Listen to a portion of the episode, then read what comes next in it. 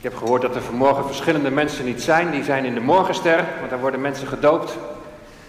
Vanmiddag is daar weer een doopdienst van de Reformatorische Baptistengemeente. Volgende week mogen wij weer een doopdienst hebben. Er is groei in de polder. Dat is toch geweldig?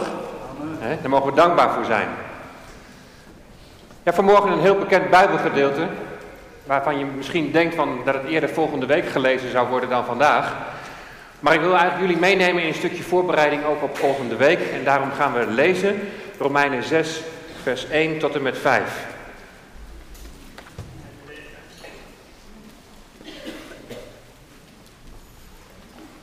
Romeinen 6, vers 1 tot en met 5. En het thema is, er is meer.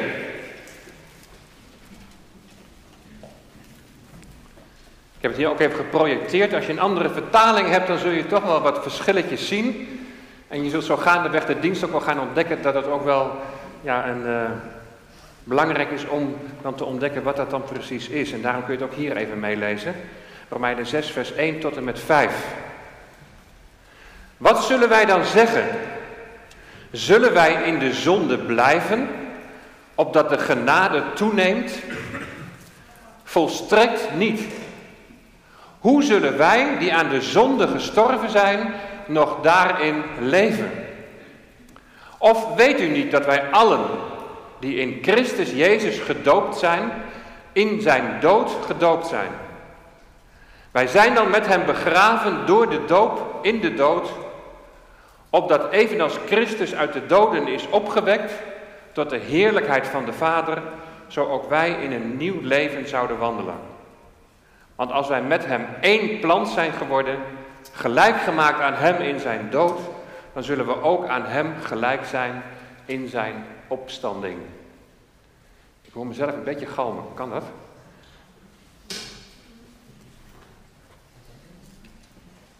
Ja, dat gaat dubbel op, hè? Dat kan soms nodig zijn. Maar we vertrouwen op de Heilige Geest die zijn woord aan ons wil bevestigen. Amen. Degenen die de Youth Alpha gaan volgen, die gaan in tien bijeenkomsten meer leren over het evangelie, over gebed, over bijbellezen, over vervulling met de Heilige Geest, over de gemeente, over de vraag is genezing nog van deze tijd? En ook de vraag, hoe kan ik het kwade weerstaan? En met name dat laatste, hoe kan ik het kwade weerstaan? Daar wil ik vanmorgen weer met jullie bij stilstaan. En het werkboekje dat, uh, dat ze meekrijgen, dat begint met een inleiding. En daar wordt de volgende vraag gesteld. Is er meer? En vanmorgen is het thema, er is meer. Maar de afgelopen twee, drie keren heb ik jullie proberen mee te nemen in het bewust worden van een geestelijke wereld die niet waarneembaar is met je ogen, maar die wel degelijk realiteit is.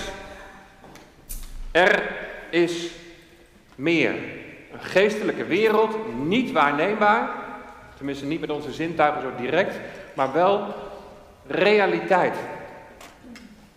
Er is een bovennatuurlijke geestelijke wereld waar zich een, strijd afspeelt, wat wij ons nauwelijks kunnen bevatten. En een treffend voorbeeld, dat vind ik altijd Daniel hoofdstuk 10, vers 12 tot 14. Daniel is daar in gebed. En dan duurt het een behoorlijke tijd voordat hij antwoord op zijn gebed krijgt. En dan komt er een engel die een hand op hem legt en die zegt van... Ja, ik ben, ik ben tegengehouden ben 21 dagen tegengehouden door de vorst van het koninkrijk van Perzië. Maar de aartsengel Michael, die heeft mij geholpen. En dan zie je machten die tegenover elkaar staan. Engelen van God die worden tegengewerkt. Het is, ja, het is net zo'n science fiction verhaal. Een machtsstrijd tussen goed en kwaad. Tussen licht en duisternis. Tussen God en Satan. Twee koninkrijken die tegenover elkaar staan. En het is realiteit. Er is meer. Er is meer tussen hemel en aarde. En ook al zie je die geestelijke wereld niet met je ogen, je kunt het wel degelijk ervaren. En misschien zijn het ervaringen die je helemaal niet direct als zodanig herkent. Ik zal een paar voorbeelden noemen.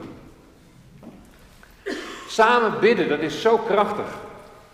Maar telkens als je denkt, we gaan het doen, als echtpaar of als gezin, of gezamenlijk in de gemeente, dan ben je ineens zo moe.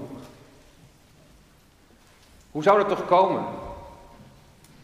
En dat heeft te maken met het stellen van prioriteiten. Kijk, als gebed sluitpost is, dan is er al zoveel aan vooraf gegaan dat je ook inderdaad moe bent. Maar het heeft ook wel degelijk met geestelijke strijd te maken.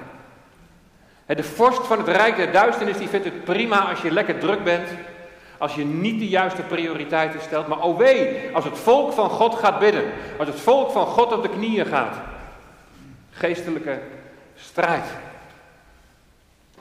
Een ander voorbeeld, stille tijd nemen en Gods woord lezen en bestuderen, opdat Hij tot je gaat spreken, opdat Hij je gaat vormen en kneden, opdat Hij je gaat zenden. Er zijn wel eens mensen die vragen dan, hoe spreekt God dan tot jou? Nou, op deze manier. Maar stel je daarin de juiste prioriteiten? Neem je de tijd om tijd apart te zetten voor God, voor de Heer, om, om te luisteren naar wat Hij tot je wil zeggen. Ook dit is een geestelijke strijd. En het is zo'n rijk iets wat God wil doen. Hij wil tot je spreken. En Satan wil het je van je afnemen. Gods volk gaat te gronden door gebrek aan kennis. En dan gaat het niet alleen om de theoretische kennis, dan gaat het om gebrek aan kennis van, van wie de Heer is. En een gebrek aan het kennen van een dagelijkse wandel met Hem. Die dagelijkse wandel in gebed, die dagelijkse wandel in het woord. Maar hoe openbaart Hij zich dan? Door zijn woord en door zijn geest. En hoe belangrijk is het dat dat in balans is, woord en geest. Het wordt wel eens vergeleken met dat je op een trein op een rail zit. Dat je zegt van hé, hey, het een moet niet gaan uitlopen, want dan is het niet meer in balans. Eenzijdig het woord, dat leidt tot dode orthodoxie. En je kunt alle waarheden van de Bijbel verkondigen, maar als het eenzijdig het woord is, dan is het niet levend en dan is het niet krachtig. Dan hebben het werk van de Heilige Geest nodig om het te bevestigen, om het krachtig door te werken in ons hart. De vorst van het Rijk der Duisternis, die vindt het allemaal prima. Eenzijdig de geest kan zomaar leiden tot uitspattingen, waarbij het de vraag is of de geest aan het werk is, of dat hetgeen je meemaakt psychisch te verklaren is, of dat zelfs de grote naaper aan het werk is. En daarom is het zo belangrijk om te toetsen aan het woord van God. Het volk gaat te gronden door gebrek aan kennis. De vorst van het koninkrijk der duisternis wil niks liever. Geestelijke strijd die je misschien niet direct zo eens als zodanig herkent. Voor de volgers van de Youth Alpha. Het is zo belangrijk dat je alle tien lessen aanwezig bent. Maar halverwege is er een verjaardag die je toch eigenlijk niet wil missen. Oh ja, en bij, bij les 10, daar speelt Oranje de beslissingswedstrijd of ze mee mogen doen aan het WK. Zou je toch eigenlijk ook niet willen missen? Weet je, in, in alle voorbeelden, daar gaat het, welke prioriteiten stel je in je leven? Wat komt op de eerste plaats? Het blijft dus altijd je eigen verantwoordelijkheid in de keuzes die je maakt, maar wees je ook bewust van die geestelijke strijd. De Satan die je van de goede keuze wil afhouden. De vorst van het rijk der duisternis wil je maar al te graag ontmoedigen, zodat je niet volhoudt. Hij gaat je verleiden, zodat je een keertje overslaat en niet de juiste prioriteiten stelt. En hij fluistert je graag in van, ja, maar zo erg is het toch niet. Er is meer. Een strijd in de hemelse gewesten. En wees je bewust. Laten we ons bewust zijn dat de eer van God op het spel staat. En dan gaat het er niet om dat je een keertje iets overslaat. Maar het gaat om je hartsgesteldheid. Waar gaat je verlangen naar uit? Ben je gered voor een plek in de hemel?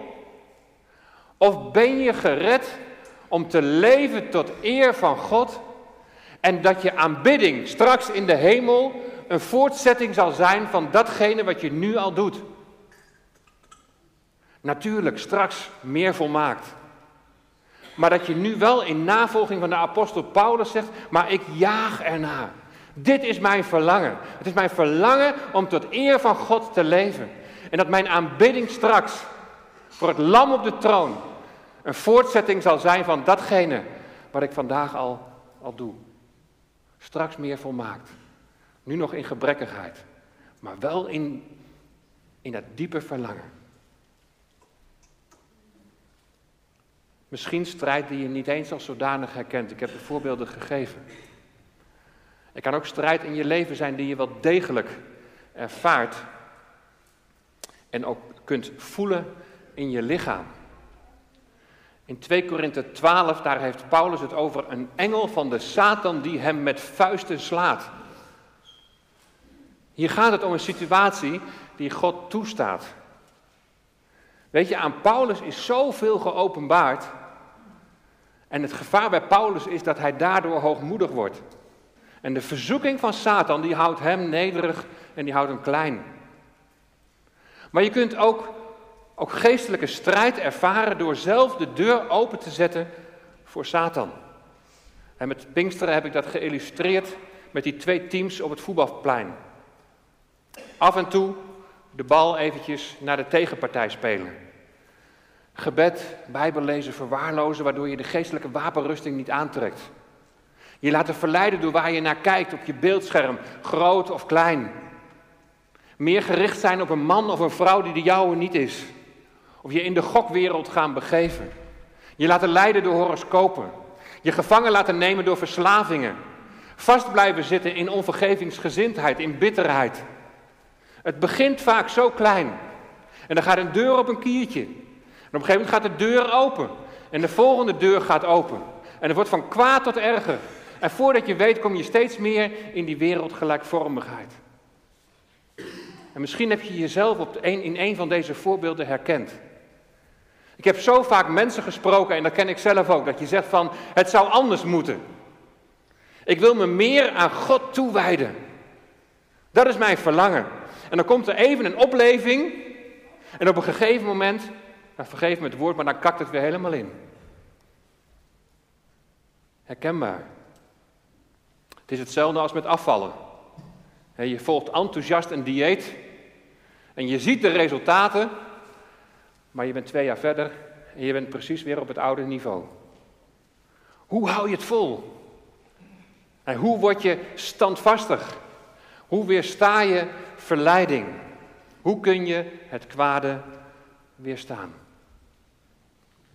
Er is meer. En we hebben dat net betrokken op de geestelijke wereld en op de geestelijke strijd. En vaak wordt er is meer wordt dan gekoppeld aan bovennatuurlijke ervaringen en bovennatuurlijke uitingen en werkingen van de geest, die ook realiteit zijn. Maar vanmorgen wil ik het met jullie hebben over een ander soortig er is meer. Er is meer dan een oppervlakkig geloofsleven. Er is meer mogelijk dan het blijven hangen in een zondige leefwijze. Er is meer. En daarvoor heb je het zwaard nodig, het zwaard van de geest. Daarvoor heb je het woord van God nodig.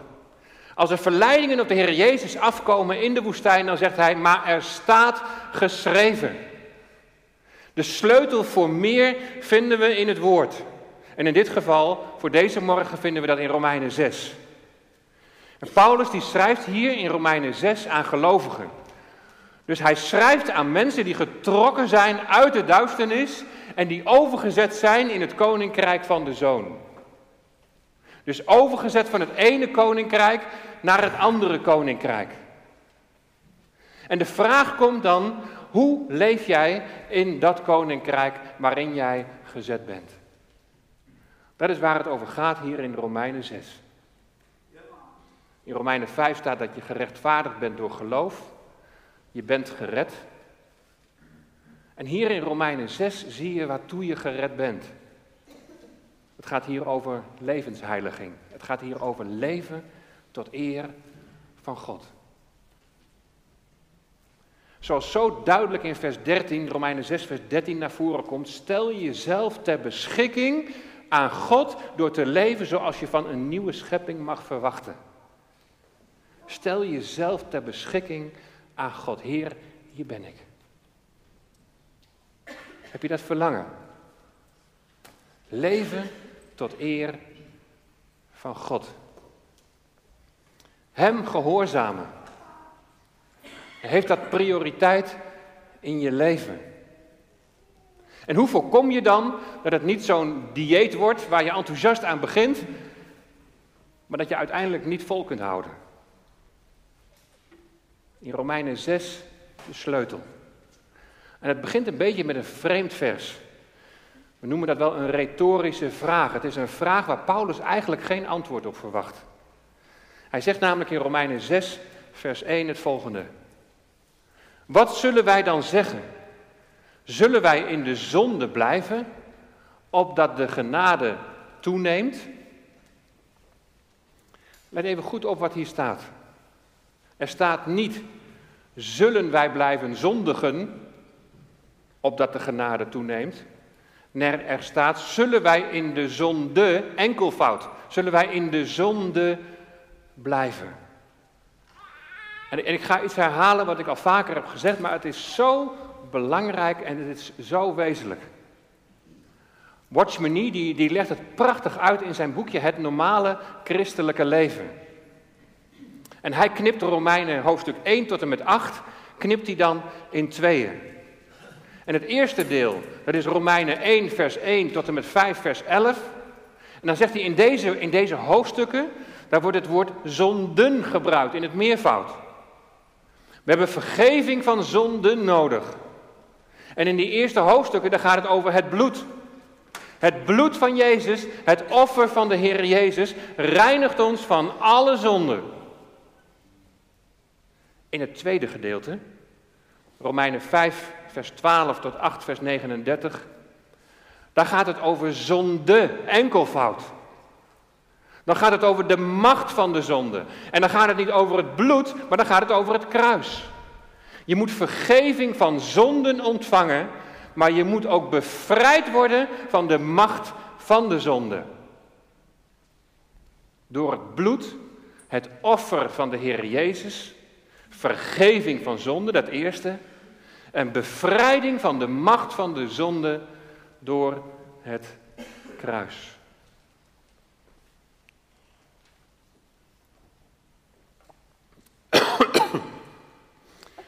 Kun je je nog herinneren van de vorige keer dat ik vroeg waarom is Jezus aan het kruis gegaan? En wij vanuit onze Calvinistische achtergrond zeggen dan om onze zonden te vergeven. In Afrika zal vaker als antwoord worden gegeven om de boze machten te verslaan.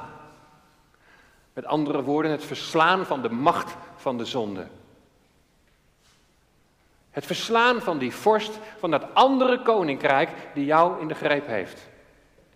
En zo zie je dat het allebei waar is. Vergeving en bevrijding. Wat er in vers 1 staat is eigenlijk het volgende. Kun je nog leven als iemand die nog leeft in de macht van de zonde? Kun je nog leven alsof je nog iemand bent die in die macht van de zonde leeft, die nog in dat andere koninkrijk leeft? Kan dat? Let op, ik zeg niet, kun jij nog leven in de macht van de zonde, maar als iemand die nog leeft in de macht van de zonde. Want voor iedereen die de Heer Jezus aanvaard heeft als redder en verlosser, zijn de zonden vergeven. En voor iedereen die de Heer Jezus heeft aanvaard en als redder en verlosser, is de macht van de zonde verbroken. We leefden nog in de macht van de zonde toen we nog in dat andere koninkrijk leefden en die andere vorst nog heerschappij over ons voerde. Toen had de zonde macht over ons. En zonde betekent letterlijk je doel missen. En het doel is om in de heerlijkheid van God te zijn. Dat was toen heel ver weg. Maar nu door geloof in de Heer Jezus is dat heel dichtbij gekomen. Door het offer van het kruis zijn wij bevrijd van de macht van de zonde, bevrijd uit de greep van Satan en mogen we komen in de nabijheid en in de heerlijkheid van God. Kun je dan nog leven alsof je nog in die macht van de zonde bent? En dat is wat Paulus vraagt. Zullen wij in de zonde blijven, opdat de genade toeneemt? Blijf je nou een beetje aanrommelen met die verleidingen? Blijf je dan de verkeerde prioriteiten stellen? Blijf je dan hangen in die onvergevingsgezindheid? Blijf je dan hangen in dat oppervlakkige geloofsleven? Heb je dan de genade van God wel begrepen?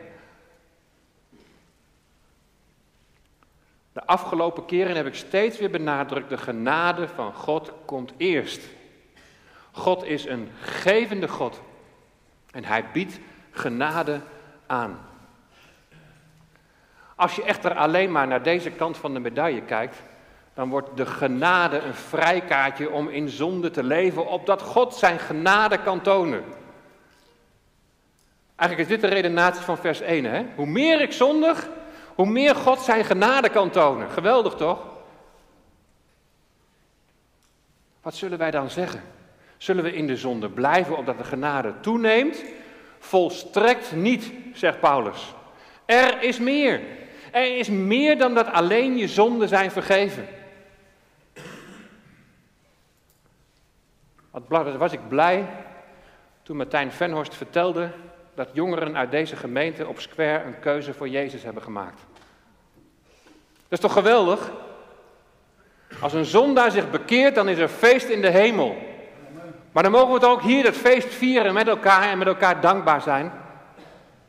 Door het geloof in de Heer Jezus ben je overgezet uit het koninkrijk van de duisternis naar het koninkrijk van het licht. Het koninkrijk van de zoon. Bekering houdt in dat je hebt gezien dat God jou genade aanbiedt in zijn zoon. Bekering betekent, ik wil niet langer leven voor die koning, voor het koninkrijk van de duisternis, maar ik kies voor Jezus. Je hebt gezien dat je vergeving van zonde nodig hebt omdat je een zondaar bent. En door geloof in de Heer Jezus ontvang je die vergeving. Geweldig, maar er is meer. Vergeving van zonden is één. En wat is er dan meer? Er is meer is, er is bevrijding van de macht van de zonde. Even naar die jongeren toe die naar voren gekomen zijn, die die keuze gemaakt hebben. Zijn jullie, die naar voren zijn gegaan, al bevrijd van de macht van de zonde? En hoe raak je daar nou van bevrijd? Er is maar één mogelijkheid. Je moet sterven. Ben je gestorven? Aan wie schreef Paulus ook alweer? Aan gelovigen die vergeving van zonden hebben ontvangen. En wat staat hier in vers 2? Wij die aan de zonde gestorven zijn. Wij, alle gelovigen, de jongeren die naar voren zijn gegaan, en ieder die bij Square een keuze voor Jezus heeft gemaakt en zich tot Hem heeft gekeerd, die is gestorven. Dus ook de boodschap voor jullie vanmorgen die naar voren zijn gegaan, je bent gestorven. Je bent aan de zonde gestorven. Die zondemacht, die macht van de zonde die jou in de greep had, die is weggedaan. Maar wat betekent dat? Betekent dat dat je nooit meer zondigt? Dat je nooit meer iets fout doet? Weet je, als ik aan jongeren vraag waarom ze nog niet gedoopt willen worden, dan krijg ik na wat doorvragen meestal wel een heel heerlijk antwoord. Als ik me laat dopen, dan wordt er ineens van alles van me verwacht. Dan mag ik bepaalde dingen niet meer doen, of ik moet bepaalde dingen juist wel doen. En als ik dat niet doe, dan is direct het antwoord, maar je bent toch gedoopt? En misschien is het wel zo dat we jonggelovigen te weinig ruimte geven om te groeien in hun wandel met Jezus.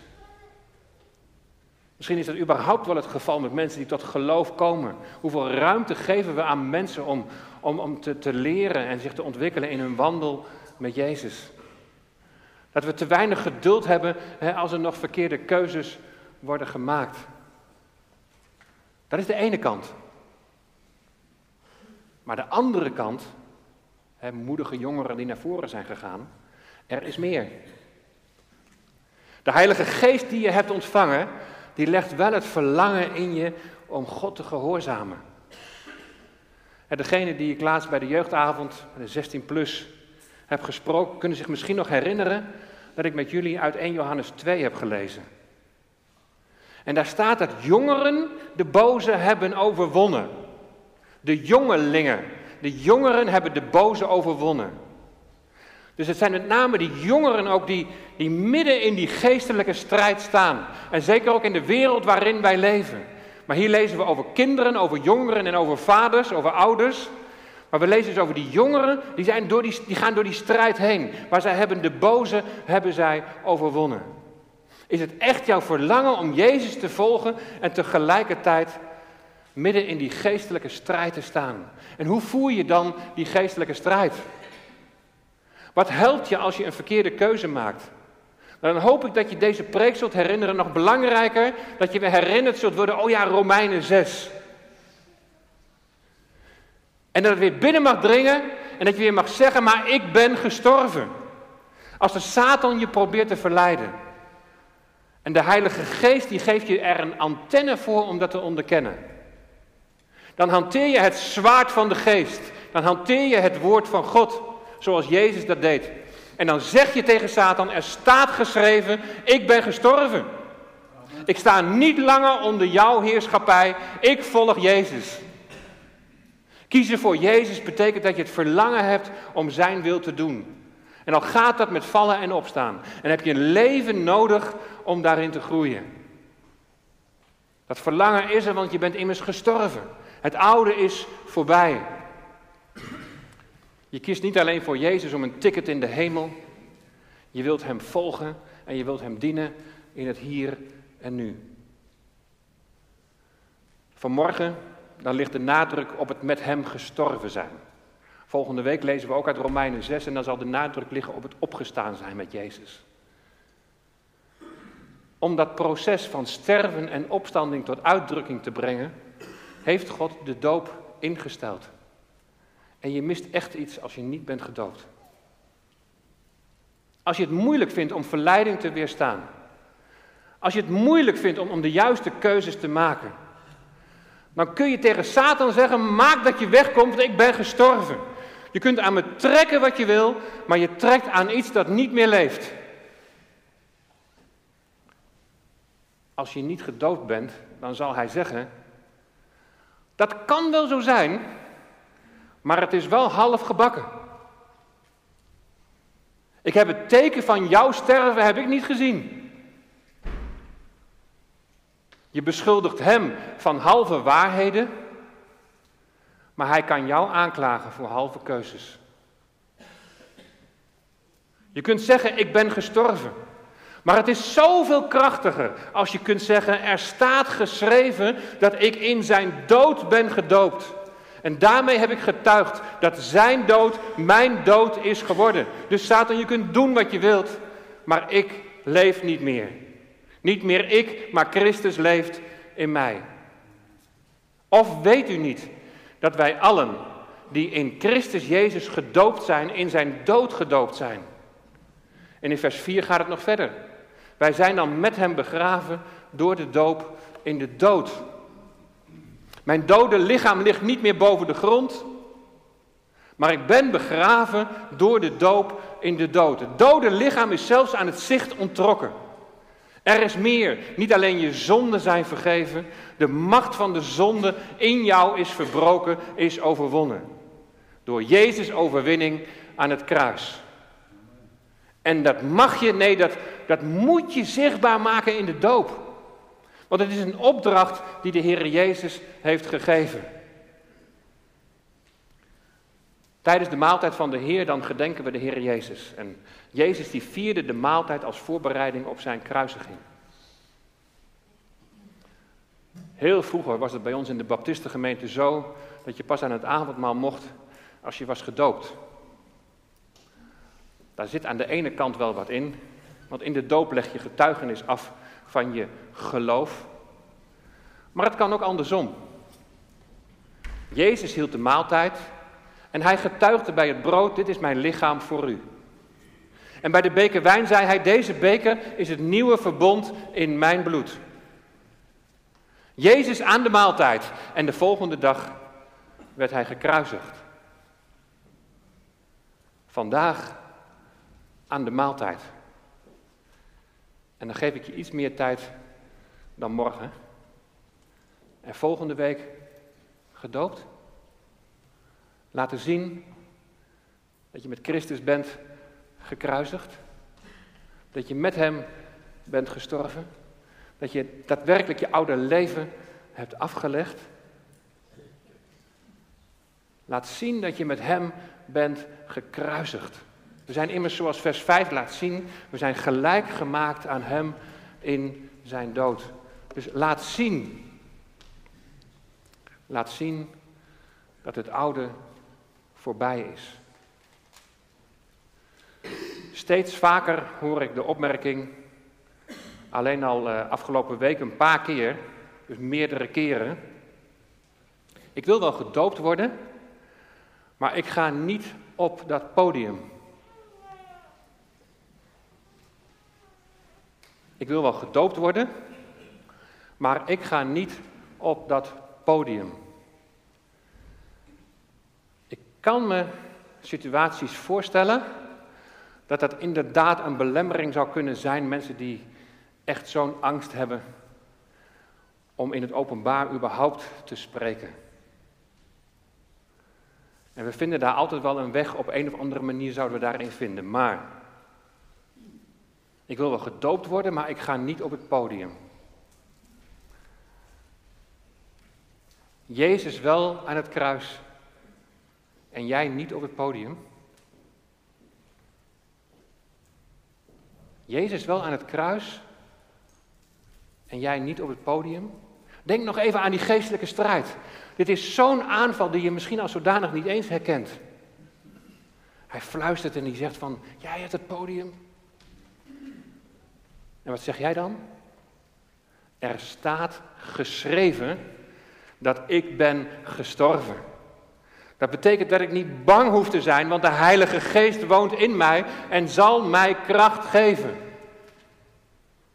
Ik heb nog nooit iemand gehoord die er zo tegenop zag en zijn getuigenis hier gaf, die zei: Ik zou het de volgende keer nooit weer doen. Nooit. Soms moeten we door een barrière heen. Niet meer ik, maar Christus leeft in mij. Vertrouw op de Heilige Geest die in je woont.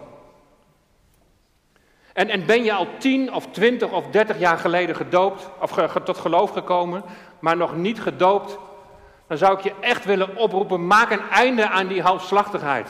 Ik promoot de doop niet omdat wij een baptistengemeente zijn. Ik promoot de doop ook niet om, om wat meer leden aan de gemeente toegevoegd te krijgen. Ik heb Jezus lief. En hij zegt dat je dit moet doen. We waren net als raad aan het bidden voor de dienst en we hebben dat lied gezongen. Jezus, ik hou van u. Ik heb u lief, boven alle dingen. Al wat in mij is verlangt te zingen. Jezus, ik hou van u. Dus ik verkondig het niet om een andere reden dan dat ik van de Heer Jezus hou en van Hem deze opdracht heb gehoord. Omdat Hij deze opdracht geeft in zijn woord. Wie gaat het winnen? Jouw verlegenheid? Jouw onzekerheid? Jouw schaamte? Jouw trots? Jouw hoogmoed? Laat je toe dat de duivel die halve waarheden verkondigt, jou aanklaagt voor halfslachtige keuzes.